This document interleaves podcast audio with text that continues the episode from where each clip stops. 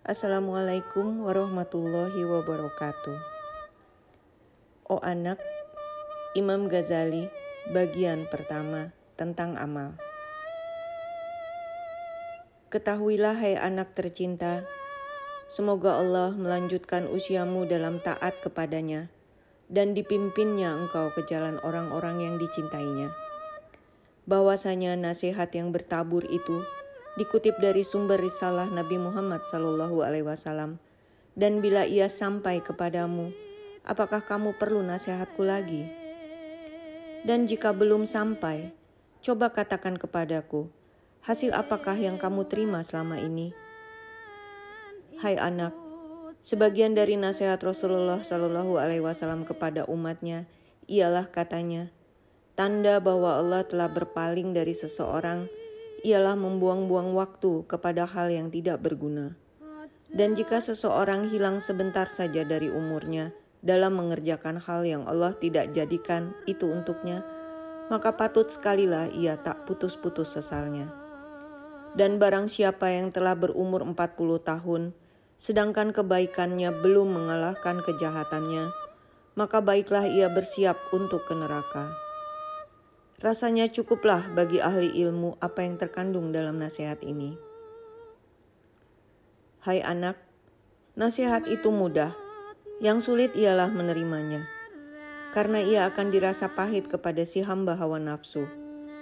Sebab hal yang dilarang itu sangatlah disukainya, lebih-lebih di kalangan penuntut ilmu rasmi yang berlawanan dengan ilmu hakikat yang membuang-buang waktu dalam mencari kebesaran diri dan kemegahan duniawi.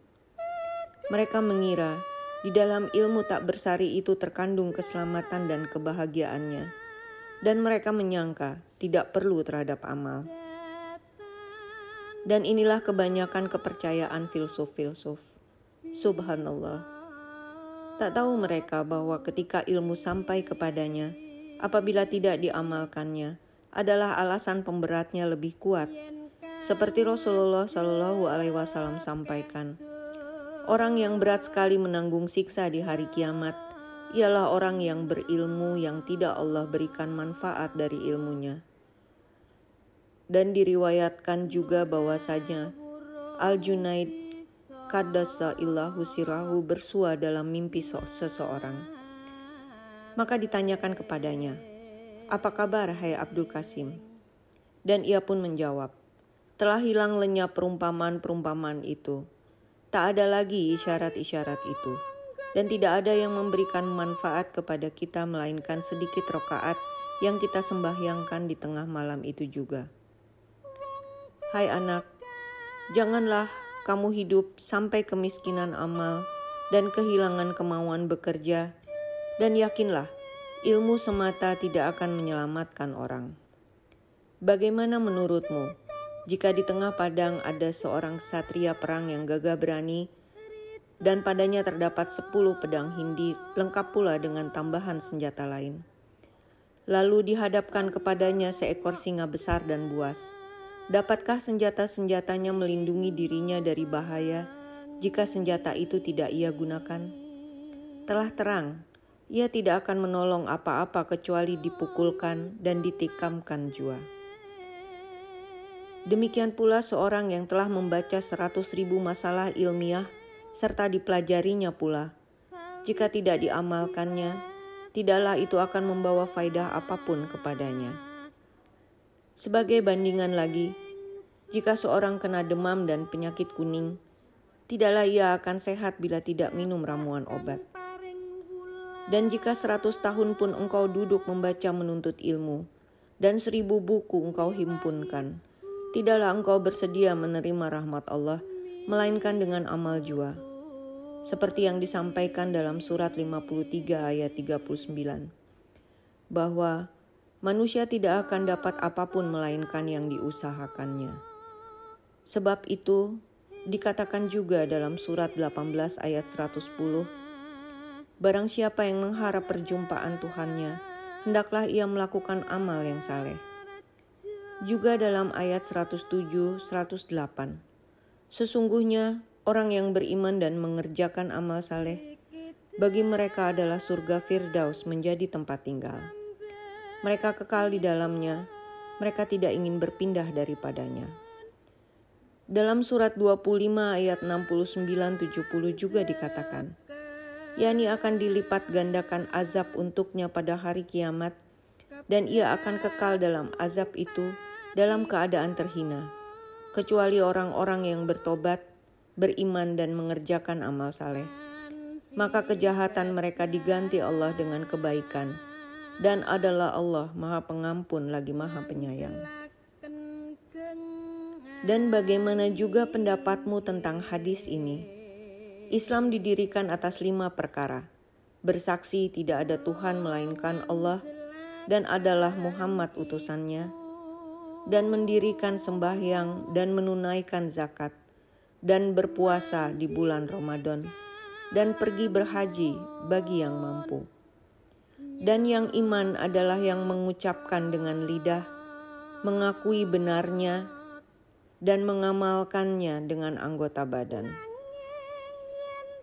Dan keterangan yang menyatakan orang mesti beramal itu amat banyak. Dan jikapun seorang hamba dapat sampai ke surga, adalah dengan limpahan rahmat dan kasih sayang Allah jua. Namun itu hanya sesudah si manusia membuat persediaan dengan berlaku taat dan beribadah kepada Allah semata. Karena rahmat Allah adalah dekat dengan orang yang berbuat kebaikan. Dan walaupun ada dikatakan orang akan sampai juga ia dengan semata-mata beriman, aku menjawab, betul. Akan tetapi kapan ia akan sampai? Dan berapakah banyaknya pendakian yang sulit-sulit yang akan dilintasinya baru ia sampai? Permulaan pendakian-pendakian yang banyak itu adalah pendakian iman. Dan apakah akan terpelihara imannya atau tidak selama pendakian itu?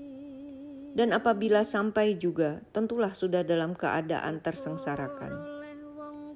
Hasan Basri telah berkata, Di hari kiamat Allah akan berseru kepada hambanya, Masuklah ke surga dengan rahmatku, wahai hamba-hambaku dan berbagilah tentangnya menurut amalanmu masing-masing. Hai anak, selama engkau tidak beramal, tidaklah engkau akan mendapat pahala. Tersebut dalam hikayat bahwa seorang laki-laki Bani Israel telah beribadah kepada Allah selama 70 tahun. Allah menghendaki akan menyatakan perkara itu kepada bangsa malaikat. Maka Allah mengutus seorang malaikat kepada laki-laki itu membawa kabar bahwa tidaklah layak ia masuk surga dengan ibadahnya itu. Maka setelah sampai kabar itu berkatalah laki-laki itu, "Kami bangsa manusia dijadikan Allah untuk beribadah, maka sepatutnya lah tanpa memandang sesuatu apa pun kami beribadah kepadanya." Maka ketika malaikat yang diutus itu kembali kepada Allah, berkatalah ia, "Ya Tuhanku, Engkau lebih tahu apa yang dikatakan orang itu. Berkatalah Allah, apabila ia tidak berpaling daripada ke, beribadah kepadaku, maka aku pun tidak berpaling daripadanya. Jadilah saksi wahai malaikatku, bahwasanya aku telah mengampuni kesalahannya. Rasulullah Shallallahu Alaihi Wasallam telah berkata, Hisaplah dirimu sebelum padamu dilakukan hisap, dan timbanglah amalanmu sebelum padamu dilakukan timbangan. Orang yang berpaham dalam adalah orang yang menguasai dirinya dan beramal untuk sesudah mati. Dan orang yang berakal pendek adalah orang yang memperturutkan kehendak hawa nafsunya dan memperbanyak angan-angan kosong terhadap kemurahan Allah. Sayyidina Ali radhiyallahu anhu telah berkata, Barang siapa yang mengira bahwa dengan tidak bersusah payah pun ia akan sampai, maka ia hanya berangan-angan. Barang siapa yang menyangka bahwa dengan semata-mata menggunakan kecakapan dan kekuatan ia akan sampai, maka ia menganggap dirinya tidak perlu kepada Allah. Hasan rahimahullah telah berkata, Meminta surga dengan tidak beramal adalah satu di antara dosa.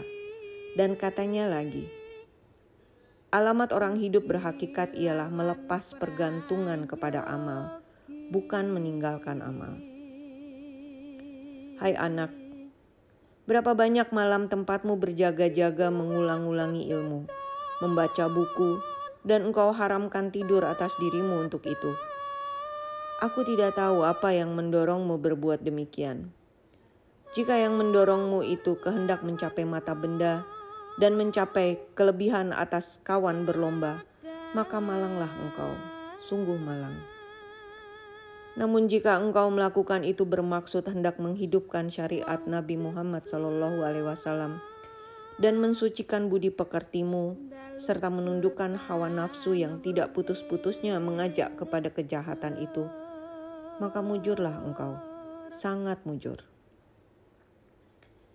Hai anak, hiduplah bagaimana maumu, tapi ingat bahwa saja engkau akan mati. Cintailah siapa saja yang engkau cintai, tapi jangan lupa bahwa saja engkau akan berpisah dengan dia. Dan buatlah apa yang engkau kehendaki, tapi ketahuilah bahwasanya engkau akan menerima balasan yang setimpal dengannya. Hai anak, apakah hasil yang engkau peroleh dari memahamkan ilmu al-kalam?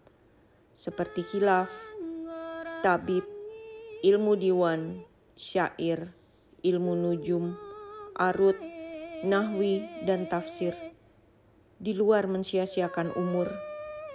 Demi kebesaran Allah yang maha besar, bahwasanya aku melihat dalam Injil, Nabi Isa alaihissalam berkata, dari saat mayat diletakkan di atas jenazah sampai dibawa ke tepi kubur, Allah dengan kebesarannya menghadapkan kepadanya 40 pertanyaan. Mula-mula Allah berkata, Hai hambaku, telah engkau sucikan pemandangan makhluk berkenaan dengan dirimu, dalam masa bertahun-tahun. Dan tidak engkau sucikan tempat jatuhnya pandanganku kepadamu sekalipun barang sesaat. Dan tiap-tiap hari aku memandang kepada hatimu, dan aku bertanya, apakah yang engkau perbuat berhadapan dengan yang lain di luarku? Sedang engkau aku liputi dengan kebaikanku. Apakah engkau peka tidak mendengar? Hai anak, Ilmu yang tidak disertakan amal itu namanya gila. Dan amal tak pakai ilmu itu sia-sia. Dan ketahuilah bahwa semata-mata ilmu saja tidak akan menjauhkanmu dari maksiat di dunia ini. Dan tidak akan membawamu kepada taat. Dan kelak di akhirat tidak akan pula memeliharamu dari neraka jahanam. Dan apabila di waktu ini engkau tidak beramal, dan tidak engkau susul kelalaianmu di masa yang lalu, nanti di hari kiamat engkau akan berkata, Oh Tuhan, kembalikan kiranya kami ke dunia, niscaya kami akan berbuat amal yang saleh. Maka permohonanmu itu akan dijawab, Hai dungu, engkau kan datang dari sana. Hai anak, jadikanlah kemauan yang bersungguh-sungguh itu menjadi mahkota ruh, kekalahan menjadi belenggu nafsu, dan mati menjadi pakaian badan. Karena yang akan menjadi tempat diammu adalah kubur. Sayyidina Abu Bakar Siddiq radhiyallahu anhu telah berkata, Tubuh ini seumpama sangkar burung atau kandang hewan. Maka hendaklah engkau mencerminkan diri, masuk bagian mana engkau ini. Jika engkau masuk dalam golongan bangsa tinggi, maka ketika engkau mendengar deru tambur kiamat. Surat 89 ayat 28. Kembalilah kepada Tuhanmu dengan hati puas lagi diridoinya. Maka niscaya engkau sampai di puncak ketinggian surga sebagaimana dikatakan Rasulullah Shallallahu alaihi wasallam tentang Sa'ad bin Ma'as. Bergerak aras Rahman karena kematian Sa'ad bin Ma'as. Dan jika engkau terhitung golongan hewan, sebagaimana firman Allah di surat 7 ayat 197. Dan berhala-berhala yang kamu seru selain Allah tidaklah sanggup menolongmu, bahkan tidak dapat menolong dirinya sendiri. Mereka itu seperti hewan, bahkan lebih sesat. Maka janganlah engkau merasa sentausa tentang pindahmu dari sudut rumahmu ke jurang neraka. Dan diriwayatkan Hasan Basri rahimahullah bahwa satu hari diberi orang air minum yang sejuk. Setelah dijabatnya air itu ia pun pingsan dan secangkir terlepas dari tangannya. Setelah ia sadar, bertanyalah si pemberi air, "Apa sebab engkau jadi demikian, hei Aba Said?" Hasan Basri menjawab, "Teringat olehku permohonan memelas isi neraka kepada ahli surga. Tuangkanlah kepada kami barang seteguk air, atau apa pun yang diberikan Allah menjadi rezekimu." Diriwayatkan bahwa segolongan sahabat menyebut nama Abdullah bin Umar di dekat Rasul Shallallahu Alaihi Wasallam. Maka berkatalah Nabi, orang yang baik sekali ia kalau ia ada sembahyang di tengah malam. Dan telah berkata pula Rasulullah Shallallahu Alaihi Wasallam, Hai Anu, jangan membanyak-banyakan tidur di waktu malam, karena membanyakan tidur di waktu malam membiarkan orang tinggal miskin dan papa di hari kiamat. Hai anak, firman Allah di surat 17 ayat 79. Dan pada sebagian malam sembayang tahajudlah kamu sebagai suatu ibadah tambahan bagimu. Mudah-mudahan Tuhanmu mengangkat kamu ke tempat terpuji. Maka ini perintah. Dan firmannya lagi di surat 3 ayat 16. Dan di akhir-akhir malam mereka memohon ampun kepada Allah ini mengandung makna syukur. Dan firmannya lagi, yaitu orang yang berdoa, Ya Tuhan, sesungguhnya kami telah beriman, maka ampunilah dosa kami dan peliharalah kami dari siksa neraka. Ini berarti berzikir. Rasulullah Shallallahu Alaihi Wasallam berkata, ada tiga suara yang disukai Allah.